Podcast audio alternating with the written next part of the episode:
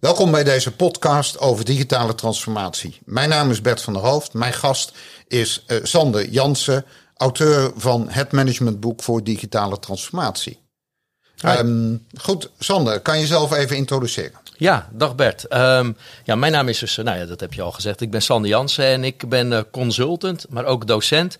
En sinds uh, een aantal maanden ook auteur. Ik heb samen met James van der Mebbel het managementboek voor digitale transformatie geschreven. En dat heb ik gedaan omdat ik um, ja, een persoonlijke ambitie heb om mijn ervaring en kennis ten aanzien van dat onderwerp zoveel mogelijk te delen met professionals, zodat zij ook een succes kunnen maken van, van het meebewegen met een organisatie met een steeds meer digitaliserende samenleving. Nou, dat is even beknopt wat ik doe. Ja, en als je gaat kijken naar het meebewegen, wat zie je dan bij organisaties gebeuren? Welk patroon zie jij? Ja, nou, je hebt eigenlijk um, uh, twee typen organisaties. Als ik het even heel breed wil zetten. Nou, dat, daar doe ik heel veel bedrijven mee onrecht. Want heel veel zijn inmiddels druk bezig met die transformatie.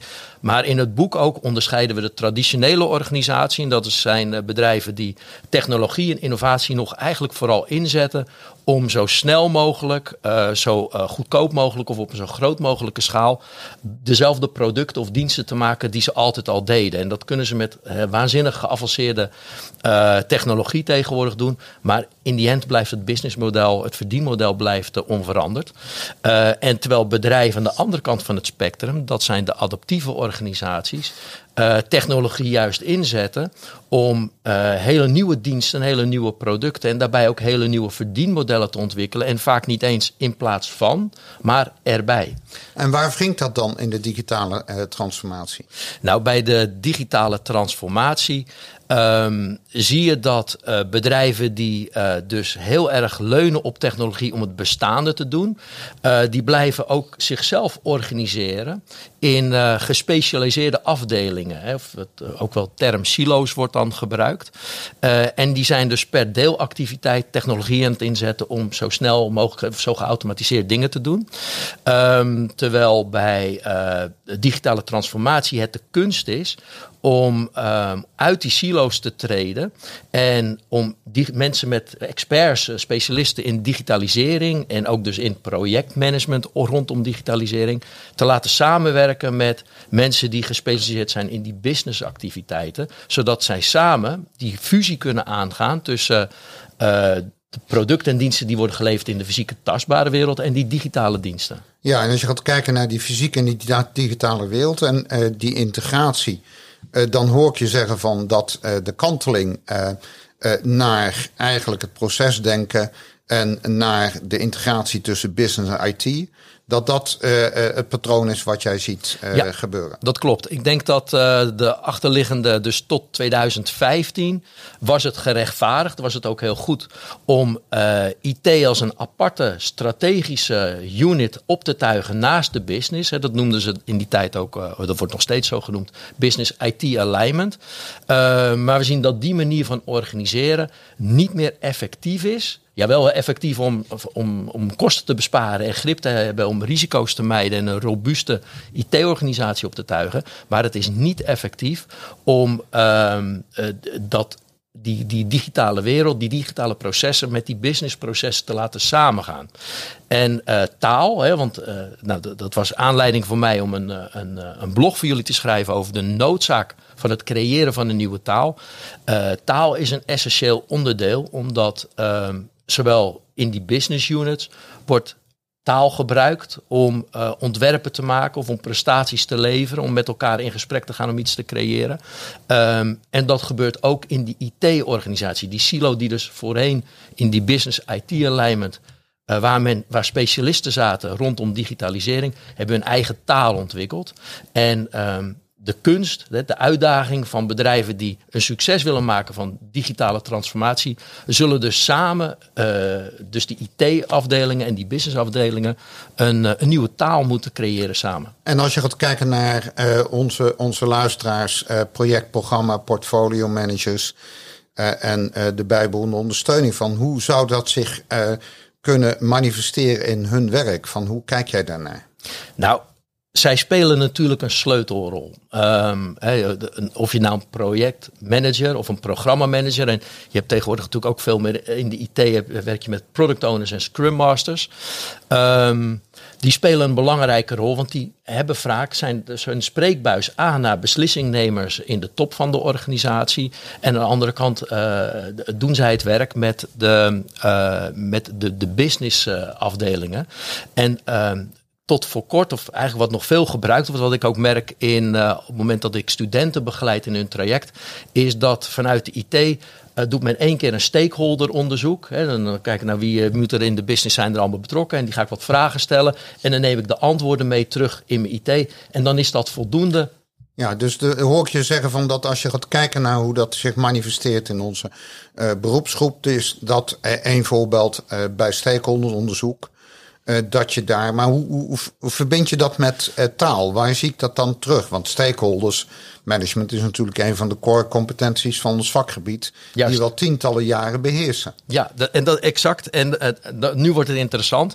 Want ehm, bij de creatie van een nieuwe taal horen eigenlijk ook nieuwe methodes en nieuwe instrumenten. En dat wil niet zeggen dat we oude instrumenten, zoals bijvoorbeeld zo'n steekonderzoek, of dat zomaar overboord gooien. Maar dat het op een andere manier toegepast wordt. Ik was uh, vorige week bij. Maar, mag ik je onderbreken? Hè? Want, ja? want ik wil naar, uh, kijken naar wat het voor onze beroepsgroep zou betekenen. Want dan moet het op een andere manier toegepast worden. Je noemt methoden, instrumenten. Ja. Uh, hoe, hoe zou dat eruit uh, kunnen zien? Want ja, stakeholders uh, management is bijvoorbeeld het inventariseren van de belangen en, en de achterliggende partijen. Um, hoe werk je dan in digitale transformatie met het aspect taal? Waar zie je dat terug? Nou, dan moet je eigenlijk kijken naar het traject rondom projecten. Um, dus uh, je gaat een stakeholderonderzoek doen, vaak in de voorbereiding of het moment dat een, dat een, uh, een project wordt opgestart. Een projectorganisatie wordt opgetuigd. En er worden de doelen geformuleerd. En dan wordt er vervolgens vanuit die doelen gekeken, oké, welke processen, welke, welke partijen zijn er allemaal bij betrokken. En als je kijkt naar digitale transformatie, dan wordt er eigenlijk een stap daarvoor wordt al bewogen in de organisatie. En dit is denk ik heel belangrijk. Want ik heb um, gezien dat bedrijven wel zeiden wij willen digitale transformatie, maar vergaten daar een stap uh, voor te zetten. Laten we zeggen, dat noemen we sociale innovaties. Dat bedrijven niet alleen zich technisch uh, innoveren, maar ook op een sociale manier innoveren.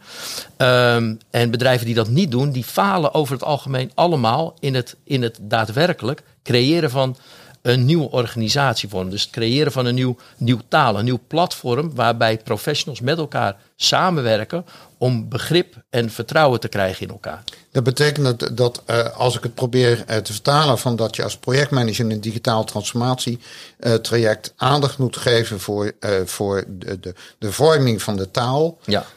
want dat is een fase die, die overgeslagen wordt. En wat is die taal, welke begrippen leverde, welke betekenis wordt eraan gegeven? Want als je die overslaat, zeg jij van dan uh, ja, dan mis je iets en dat gaat alleen maar pijn doen. Dat gaat de pijn doen. Ik, ik, wil, ik kan een heel concreet uh, voorbeeld geven daarvan. Uh, van wat ik heb zelf heb meegemaakt. Om te laten zien hoe snel zo'n misverstand ontstaat. Want er, was een bedrijf die zelfs wel zei. Dat was een, een fabriek die levert consumentengoederen in Nederland. En die zei, ja, wij, wij willen die digitale transformatie. En wij denken ook dat het nodig is dat eerst onze organisatie, de mensen die hier werken, daar samen betekenis aan geven. En die gaf opdracht om uh, aan de business uh, afdeling te zeggen: joh, wij moeten stoppen met uh, denken in onze gespecialiseerde afdelingen. Wij moeten in bedrijfsprocessen gaan denken. En diezelfde boodschap kreeg ook de IT-organisatie mee. En dat had tot gevolg dat uh, in die twee verschillende silo's, in die twee werelden, uh, ontstond een heel ander beeld. Werd, werd er gewerkt wel aan, aan hè, dit zijn processen en zo gaan we procesmanagers uh, formeren. En op deze manier gaan we processen inrichten. Maar de uitkomst van de IT-organisatie was totaal anders dan die van de bedrijfsafdelingen. Uh, er ontstond een heel ander begrip, een heel andere betekenis aan het woord uh, bedrijfsprocessen. En wie, wat is de rol van een procesmanager? En op het moment dat dat apart gedaan wordt en niet samen, dan ontstaat er een groot misverstand binnen de organisatie. En dan krijg je ook die situatie die wil hebben niet voor elkaar. Ja, want uh, elke partij, als ik jou uh, uh, goed begrijp, neemt zijn eigen referentiekader mee. En, en duidt dat. maar als je wil kantelen naar samenwerking in de keten, ja.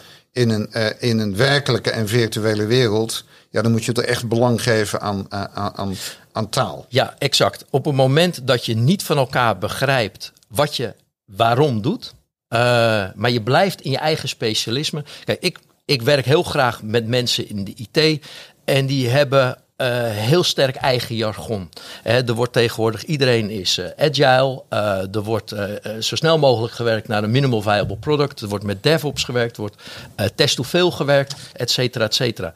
Maar als je die werkmethode plot op een bedrijfsunit waar men hele tastbare producten maakt, hele kritische producten, die ook uh, veiligheidsnormen en eisen. Het, daar wordt niet met een minimal viable product gewerkt, maar er wordt met een, met een product gewerkt wat, wat robuust, commercieel en, en, en technisch klaar moet zijn. Dus daar wordt vaak op een waterfall manier gewerkt, wordt ook een andere manier gesproken over testen. Ja, maar dat, dat, uh, goed, dat is business as usual natuurlijk zo van kijk eens die twee werelden bij elkaar brengen.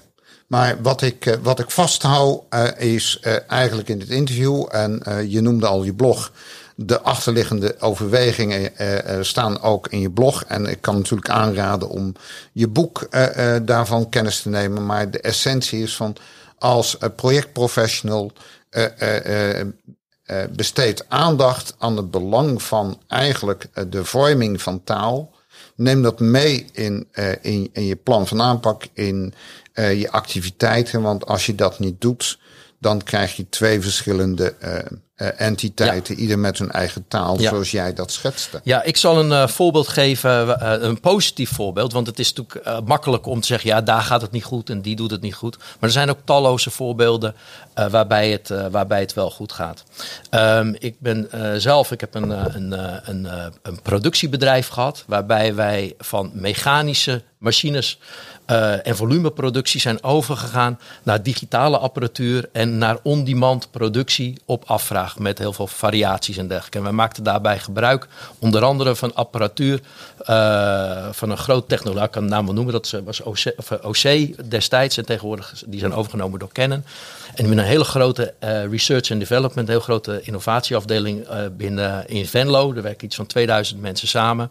En die hebben dit gedaan. Die zijn op een gegeven moment um, uh, gaan uh, partijen gaan samenvoegen. Ze maken mechanische apparatuur. Daar hebben ze met de mensen die de software gaan ontwikkelen, hebben ze bij elkaar gezet. Maar die hebben ook de klanten bij betrokken. En dat was mijn rol.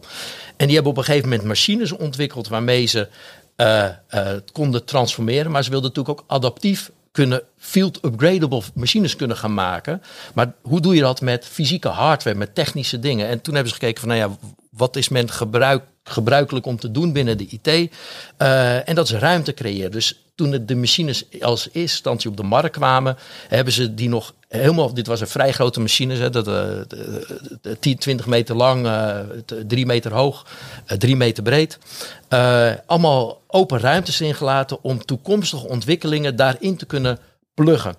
Um, en, en dat is ontstaan door, door mensen die tastbare machines engineeren die direct klaar moeten zijn, samen zo'n uitdaging te laten aangaan met, uh, uh, met mensen die in de software werken. En die hebben eerst gezamenlijke taal moeten ontwikkelen. Om te kijken hoe gaan wij dit samen organiseren? Hoe gaan we dit managen? Hoe gaan we dit plannen? Uh, hoe gaan we ook tot prioriteiten komen? Uh, en welke mensen hebben we op welk moment nodig? En hoe laten we die werken met elkaar? Ja, um, en uh, kortom, het belang van taal, dan moeten wij als beroepsgroep aandacht aan geven. Jazeker, ja. ja. Um, als, je, als je gaat kijken naar, uh, naar, naar de centrale boodschap als projectmanager, uh, besteed aandacht aan de vorming van taal, zeker in de digitale transformatie. Um, zou, mag ik de luisteraar uitnodigen om de blog of het boek te, te, te lezen? En uh, Sander, mag ik jou bedanken voor deze podcast. Heel graag gedaan. Dankjewel.